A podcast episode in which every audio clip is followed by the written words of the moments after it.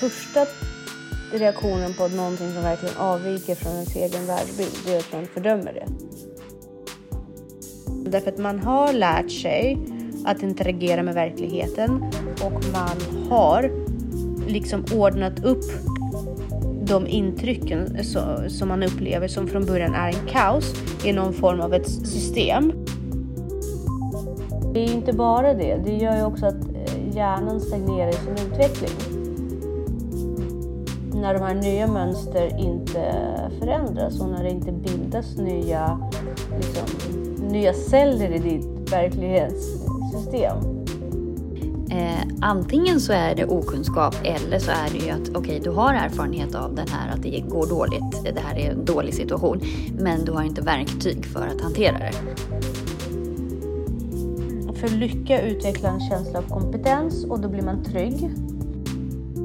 Att inte döma ut sig själv i, för att uppnå den här samma känsla inför andra människor. Och det är, det är viktigt att börja med sig själv, att skapa den relationen med sig själv där du lär dig hur du utvecklas utan att döma dina dåliga sidor eller dina brister eller någonting.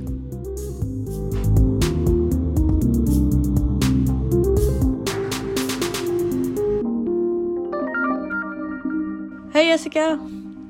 Hej! Hur är det? Det är bra. Det har varit eh, en intensiv vecka sedan vi hörde sist.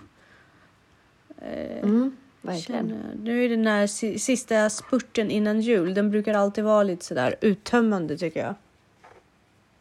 Mm. Och nu har vi fått vintertid dessutom. Konstig påhitt alltså. Jag gillar och för sig det.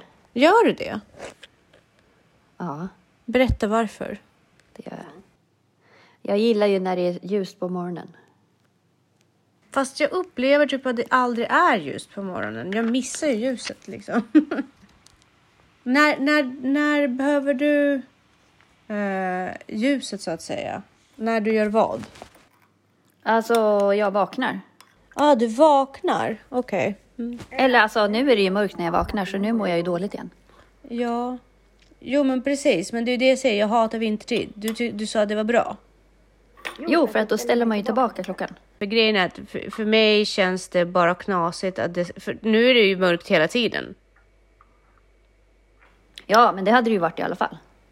Ja, det är sant. Men det är ändå så skulle man fortfarande få några eh, ljusglimtar när man var på väg hem från jobbet. Nu har man ju ingenting.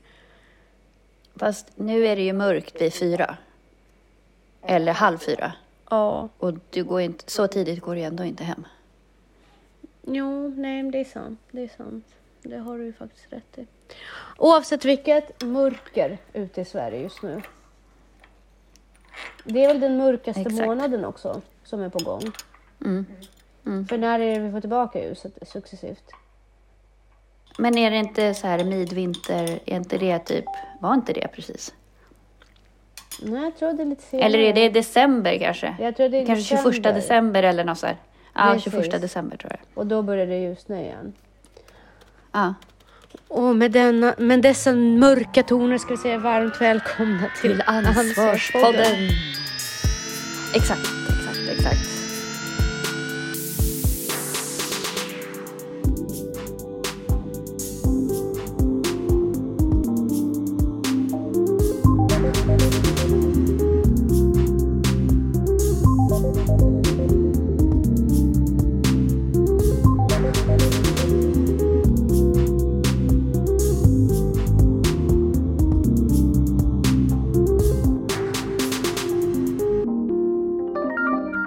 Jag tror att man märkte tydligt där att jag störs av mörkret. Mm, men det gör vi allihopa. Alltså, nu blir man ju bara deprimerad och det, det, man är så trött på morgonen. Ja, ja, jag tycker att man är trött mest hela tiden. Mm, det är sant. Och, men va, vad gör man åt detta? Vet du, vitaminer funkar faktiskt väldigt bra för mig tycker jag. Mm. Just, eh, just nu när man kör lite extra mycket C-vitamin och mm. kanske något mera D-vitamin. Och jag känner att man ändå kan mm. ta sig igenom det mesta. Och att vara upptagen och ha en plan när man kommer hem. Att man ska veta Precis. vad man ska göra, för annars är det så lätt att man liksom efter maten bara fastnar. Exakt. Och så försvinner hela kvällen det där mörkret. Men Exakt. idag har vi ett tema som vi tänkte diskutera. Och eh, det temat är ju att döma ut folk, vad det kan göra. Men vad- även vad det kan göra med båda parter, inte med, bara med den som man dömer ut, utan även vad det kan göra med den som är utdömande Ja. och vilka konsekvenser det kan ha. Och Mm. eh, eh, det är ju så att vi har initiellt när Mm. vi liksom får höra någonting som verkligen avviker från det vad vi tycker. Det är ju första initiella liksom, reaktioner att man dömer det, tror jag. Eh, för att man är så rädd att det ska påverka. Alltså för det, det, det ruckar ju till ens egna verklighetsuppfattning. Och det är man ju rädd för. Så första reaktionen på någonting som verkligen avviker från ens egen världsbild, det är att man fördömer det. Mm.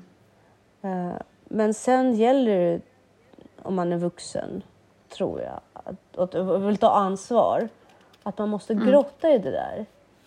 För jag tror att man ska se den här reaktionen som en signal på att du kan för lite om just det här ämnet. Eller den här situationen. Absolut. Eller hur det nu är. räds... ja. Absolut. Rädsla handlar ju, handlar ju antingen om okunskap, antingen om själva fenomenet i sig eller om okunskap om eventuella verktyg mot, alltså eller ingen handlingsplan mot fenomenet. Precis.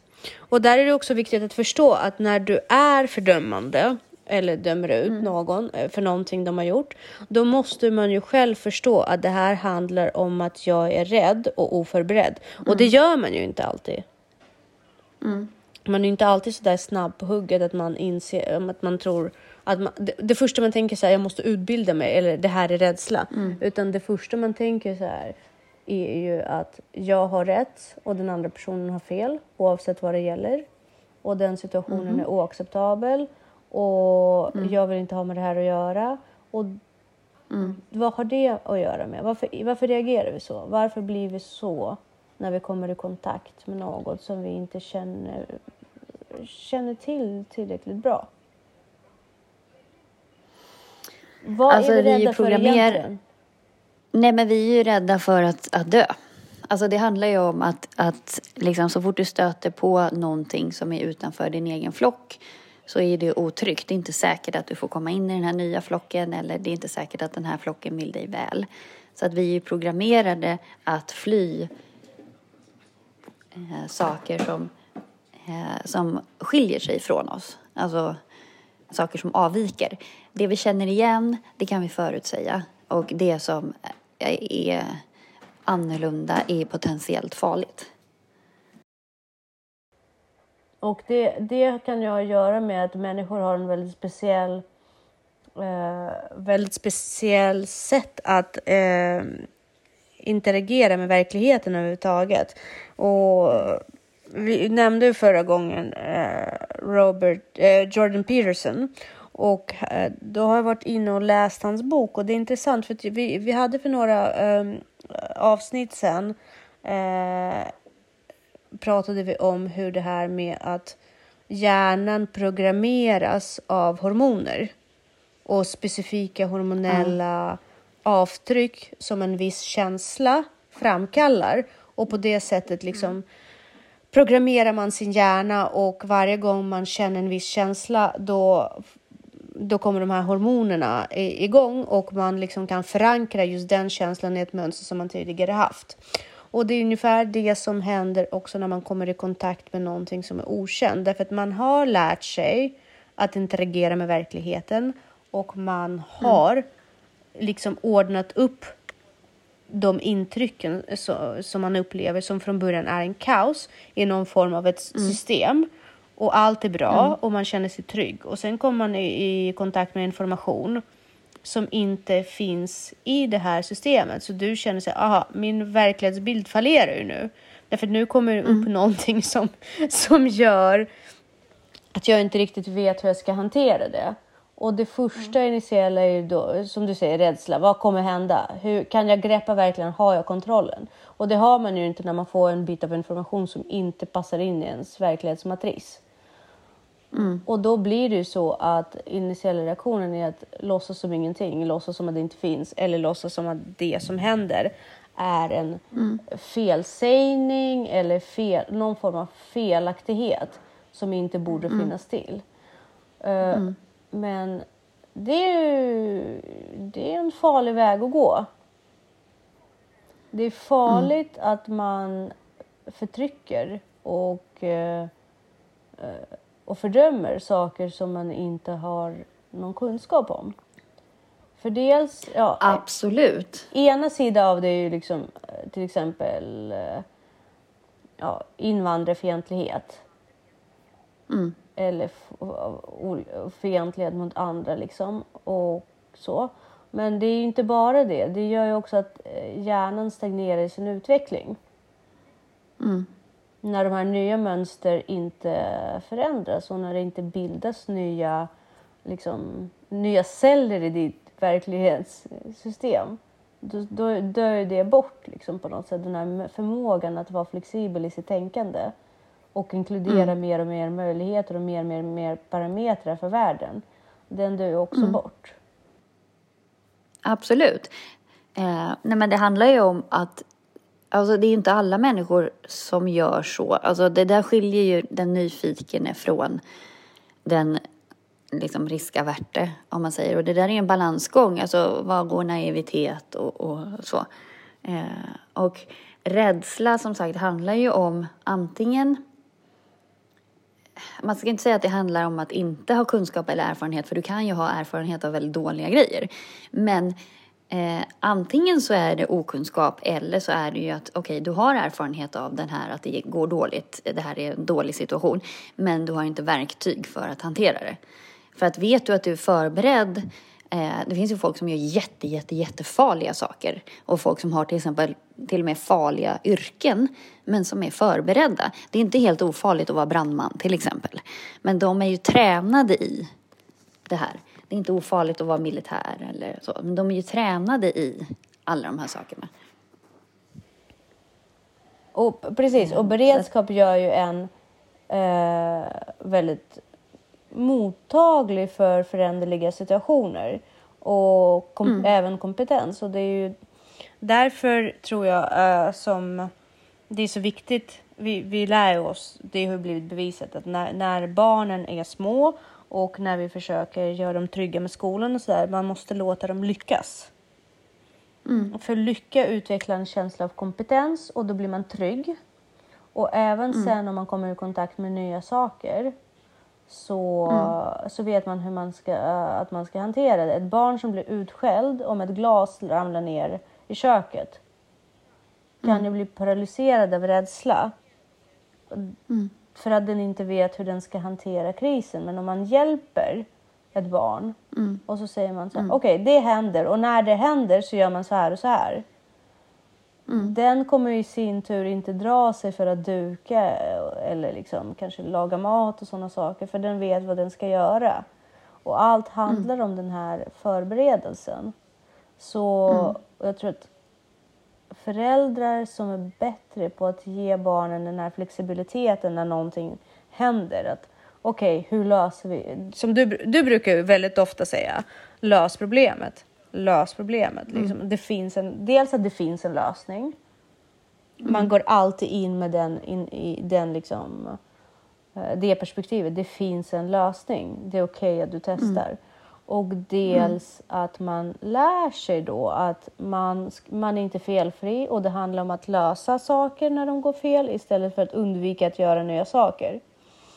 Mm. Och de som har fått in det här mönstret att man löser hellre än undviker de tror jag också mm. i längden fördömer mindre.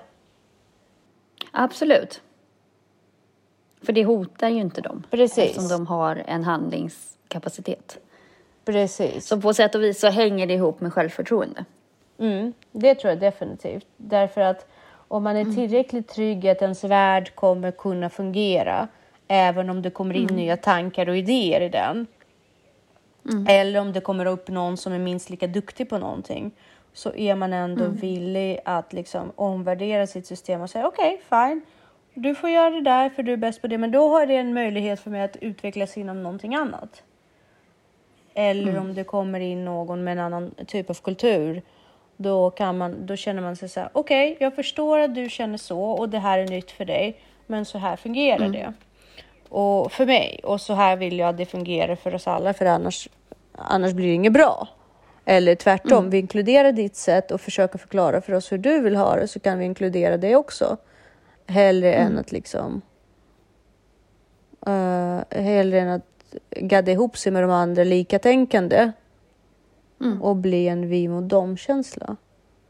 Mm. Men det händer en sak med den som... Ja, dels är det också viktigt så här... Att, det, det har jag också tänkt på. Det finns ju egentligen ingen sanning.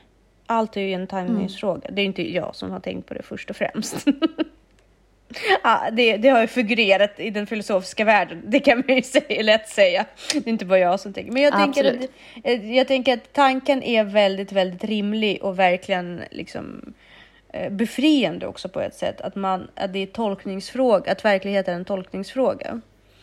Och mm. om du går in och dömer ut någon som kommer in med nya tankar och idéer. Mm. Dels så kan det i sig påverka den personens verklighet. Mm. Att du kommer och säger så här, nej men det här är fel. Det är en fel lösning, det är fel sätt att tänka på och så vidare. Och mm. om man inte riktigt är expert i den här situationen som din motpart då går igenom då kanske mm. man faktiskt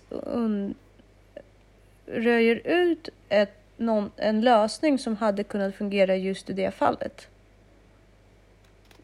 Absolut, men samtidigt måste man kunna bolla saker. Man, kan ju, man behöver inte säga att så här är det. Man kan ju bara säga så att jag tänker så här. Ja. Det är väldigt, väldigt få gånger någonting är så liksom etsat i sten. Kanske relativitetsteorin eller alltså matematiska och fysiska formler är Ja, men precis. Liksom, eh, föremål mm. är ju satt i sten. Vi vet att huset ligger där, men ja. allt annat är ju en tol tolkningsfråga. Mm. Uh, Exakt. Precis. Och, och där är det väldigt viktigt att man att man liksom är helt hundra på att man ger ett bra råd. Ja. För att annars tar man ju också på sig ett ansvar. För om den här personen lyssnar på dig mm. och sen så har den dig som någon form av expert. Mm. Då blir det ju också så att eh, sen förlitar den sig på dina åsikter. Du kanske helt enkelt inte orkar eh, mm. liksom sålla ut i det här. Men ändå så har du undergrävt den personens enda utväg utifrån det den har eh, funderat. Nu lät jag väldigt nu vet inte jag själv om jag har trasslat in det här mer än vad jag borde. Men det, dit jag vill komma är att om du säger till ett barn, nu tänker du fel. Mm. Eller till en kompis att det här är fel sätt att approacha det på. Då måste du vara mm. väldigt, väldigt säker på att du är tillräckligt insatt i situationen för att ge ett sånt råd. För att när man dömer ut mm riskerar man ju faktiskt att, uh, att den personen, den, den som försöker hitta en lösning, inte riktigt uh, kommer mm. utforma den här mekanismen där den kan tolka verkligheten utifrån sina egna behov mm. och börja ifrågasätta sitt eget, liksom, sin, sin egen kompetens i att vara. Mm. Och det är ju, då är vi tillbaka på integritet. Exakt. För så undanröjer du någons eh, integritet tillräckligt många gånger, då kommer den människan inte våga ta beslut till slut. Nej. Och det är också ett sätt att döma ut någon på. Ja, absolut. Uh, har du blivit uh, liksom dömd för någonting du har gjort? Oj. Uh, dömd? Alltså man kan ju bli hårdare dömd för saker än vad som kanske är rimligt liksom. Har du blivit hårdare dömd än vad det är rimligt? Ja, det tycker jag. Mm.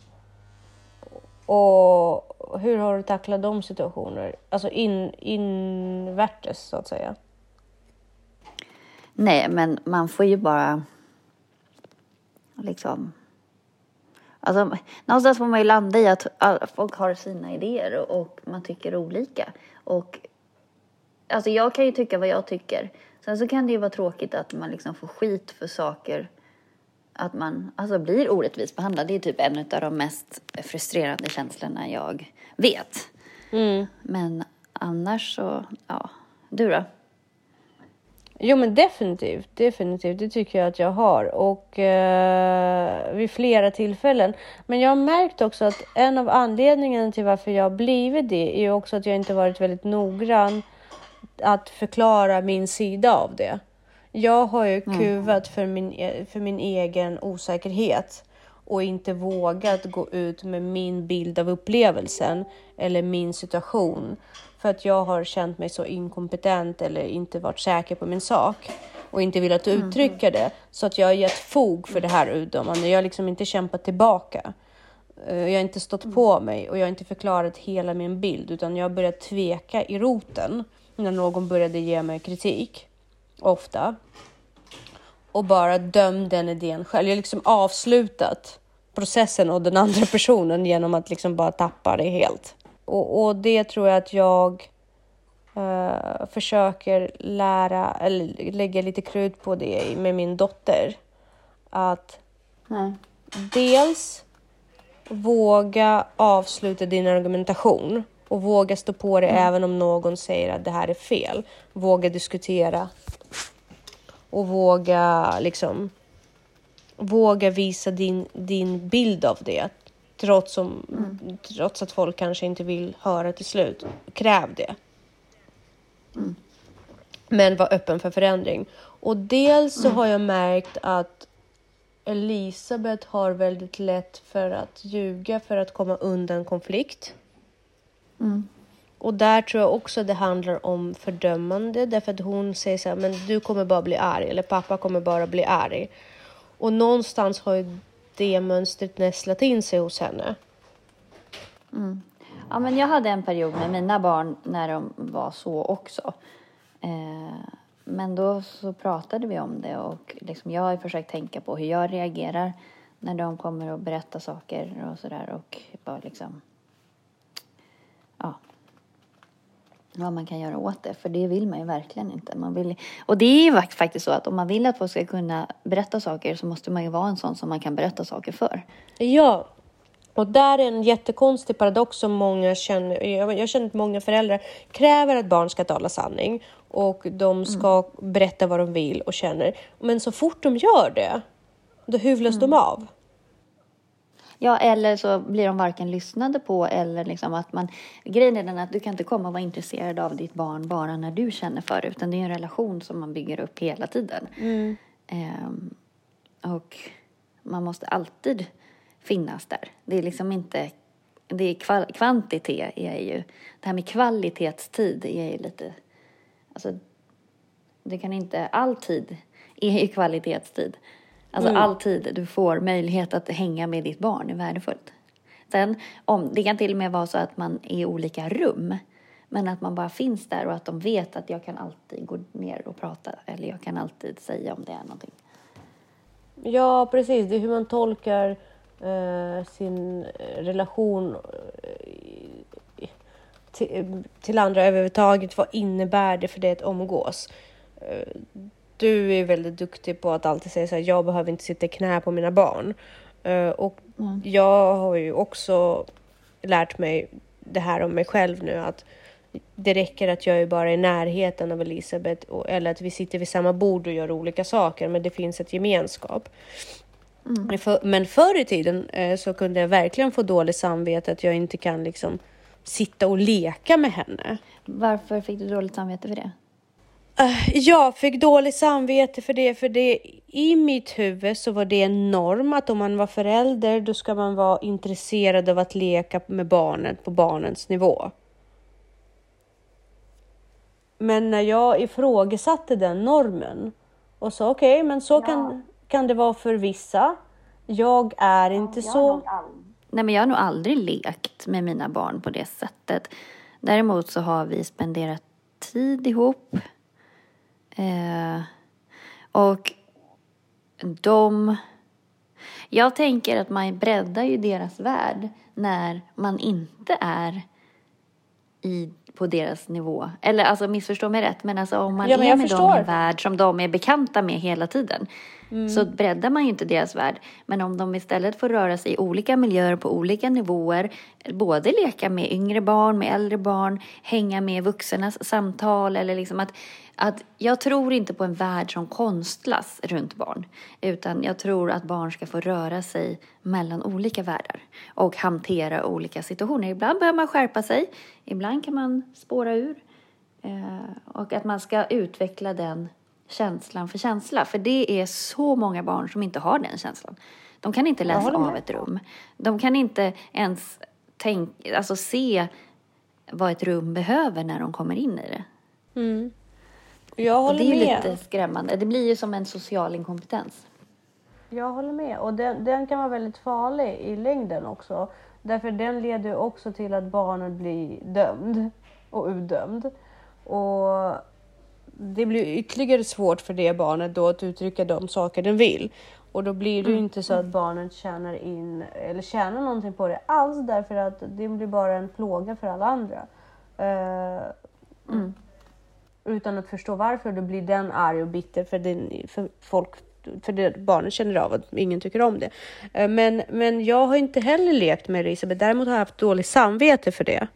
Men Men har, du- har du dåligt samvete för, vi säger att du har godis hemma och sen så tar du en chokladbit och så ropar du inte på henne eller bjuder inte henne. Har du dåligt samvete då? nej. Nej. Det gör jag inte och det har jag aldrig haft heller. Eh, däremot så tror jag att jag inte var ärlig med mig själv om vad det är att vara en bra förälder och jag kände inte att jag eh, höll måttet. Och jag började med att definiera varför jag mår dåligt. Vad behöver jag för att känna mig som en bra förälder? Och också vara ärlig med vad jag kan ge och vad jag absolut inte kan ge. Och när jag började fokusera på vad jag kan ge, då blev de sakerna som jag inte kan ge mindre väsentliga. Och då vet ju, då kan jag också säga till Elisabeth, ja, alltså jag vet att jag inte leker med dig. Men hon har inte heller på något sätt efterfrågat det. Hon vet att jag inte gör det. Det har varit instinktivt. Liksom. Hon har aldrig krävt det. Däremot så har det varit så att med Viktor, han har ju försökt och tvingat sig själv till det. Och då har hon ju liksom lärt sig att han på något sätt vill det, fast han inte gör det. Så har hon gått efter, när hon vill ha kontakt med honom, då har hon efterfrågat att leka. För att hon trodde att det var så hon skulle få kontakt med henne. Och han bara, nej jag orkar inte. Och då trodde hon ju att hon gjorde något fel. Nej, men mina barn tittar ju bara konstigt på mig om, eh, om jag leker med dem. De bara, eh, vad gör du? Du kan, du kan gå härifrån, det är lugnt. Mm. Ja men precis, för att de- har lärt sig att, att, interagera med dig sker inte på det sättet. Nej. Och Elisabeth har också lärt sig att interagera med själv på ett annat sätt. Utan hon har börjat komma och sätta sig mer med mig måla och rita när jag gör det. För jag brukar alltid sitta i närheten av henne när jag gör det. Jag försöker göra det så fort vi träffas och hon går in i sin lek eller sin telefon så, och jag vill måla så brukar jag alltid sätta mig bredvid henne så att vi ändå har vi kan bolla lite saker och prata, småprata under tiden. Och då har hon kommit och börjat måla, lekt ifrån sig mobilen och börjat måla och rita istället. Och det har varit en väldigt givande del liksom, i vår relationsbygge. Men då gäller det också att inte döma ut sig själv. Och för, för att liksom knyta an lite till det vi pratade om tidigare. Att sitta och sätta upp mål för sig, bara, du är en dålig mamma, att säga det till sig själv, liksom, du är en dålig mamma för det du inte kan. Det är bara oschysst, därför du ger dig själv inte heller en utväg. Nej. Ska jag inte få vara förälder för att jag inte tycker om att leka? Mm. Nej men alltså, det, då, då går man ju faktiskt in på väldigt, jag vet inte, djupvatten. Exakt. Man måste ju hitta sitt sätt att vara förälder på. Verkligen. Ja, men annars blir det ju inte bra. Nej. Och då, då gäller det, är lika viktigt att man lär sig att inte döma ut sig själv.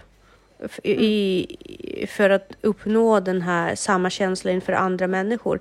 Och det är, det är viktigt att börja med sig själv, att skapa den relationen med sig själv där du lär dig mm. hur du utvecklas utan att döma dina dåliga sidor eller dina brister eller någonting. Okej, okay, jag mm. klarar inte av rent mentalt att göra de här sakerna eller jag klarar inte av rent fysiskt att göra de här sakerna. Men hur kan jag träna eller hur kan jag hålla kosten på bra sätt? Eller hur kan jag utvecklas inom mitt jobb? Liksom, jag kommer aldrig kunna vara den personen som har allting under kontroll eller har star vill, tillräckligt stark eh, vilja för att avstå från godis. Bara acceptera det. Liksom. Jag har accepterat mm. det. Jag vet det. Jag kommer misslyckas om jag har godis i närheten. Hur löser jag det? Mm. Att sitta och förlita ja, sig på, på, liksom att man, ja, men, på stark karaktär, det är bara dumt. Man bildar inte stark karaktär bara för att man hela tiden förlitar sig på det. Nej, nej, gud nej. Nej, men verkligen inte. Nej, men det gör man inte. Men hur hanterar du det här att, att bli orättvist dömd? Apropå stark karaktär. Hur, hur man hanterar det? Ja, hur hanterar du det? Alltså att bli orättvist dömd. Alltså jag, mm. Eh, jag har ju följt rätt mycket din råd i det. Att liksom, om jag har hamnat i en miljö där jag blir orättvist dömd, då ska inte jag ändra miljön. Eller då ska inte jag ändra på mig själv, jag ska ändra miljön. Uh, mm. Det finns ju ingen idé att sitta och, och, och slåss med väderkvarnarna därför att oftast är det så att de personer som inte är lyhörda för dina behov och det du säger är ju väderkvarnar. Mm.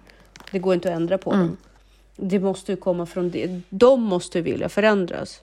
Så för mig är det ju bara att uh, gå och göra annat. Nej, men alltså träffa annat folk och försöka undvika dessa människor i min miljö. Mm. Och sen om några av dem råkar vara familjemedlemmar eller, eller närstående personer. Som ofta är ju fallet i min, i min familj därför att vi har ju väldigt olika uppväxt och kulturella liksom, förankringar. Då har jag insett att men jag vill ha en familj. Jag vill ha en familj. Så jag gör saker mm. med dem som är inte provocerande för någon av oss. Och nej, min mm. relation mm. till vissa medlemmar i min familj kanske inte är så djup och öppen som jag skulle vilja. Och det är synd. Mm. Men jag kan inte heller hela tiden ta våld på mig själv för att alla ska vara nöjda och glada. För det är fel. Nej. Framförallt mot mig. Men mm. utifrån ansvaret för, uh, ansvarsperspektiv mot min dotter. Därför att jag lär ju henne det. Exakt. Och det vill jag inte. Jag vill inte lära henne att det är okej okay att ljuga för att slippa konflikt. Nej, nej, det är sällan bra. Nej, men det är, och, det är bra att ha konflikter för du vet vad du vill. Verkligen, det är det man växer av och, och relationer växer av det. Ja, man, man, kan inte vara bästa kompis med alla, men man kan bibehålla en relation med dem som är viktiga för en, även om man tänker och tycker olika. Mm, absolut. Så, så tänker jag. Men det, vi har ju sagt det flera gånger i den här podden att när något stör dig, mm. fråga i första hand varför det stör dig snarare än att börja liksom förändra och läxa upp och skylla på andra. Varför blir man störd Exakt. av vissa tankar och idéer? Och hur ja. kan man bli stark nog att acceptera att de finns i ens värld men inte kanske behöver påverka mm. dig? Exakt. Ska vi säga tack och hej? Ta en vecka på att öva det här med att inte döma på saker. Så hörs vi nästa vecka. Exakt. Det gör vi. Ha, ha det bra. Hej.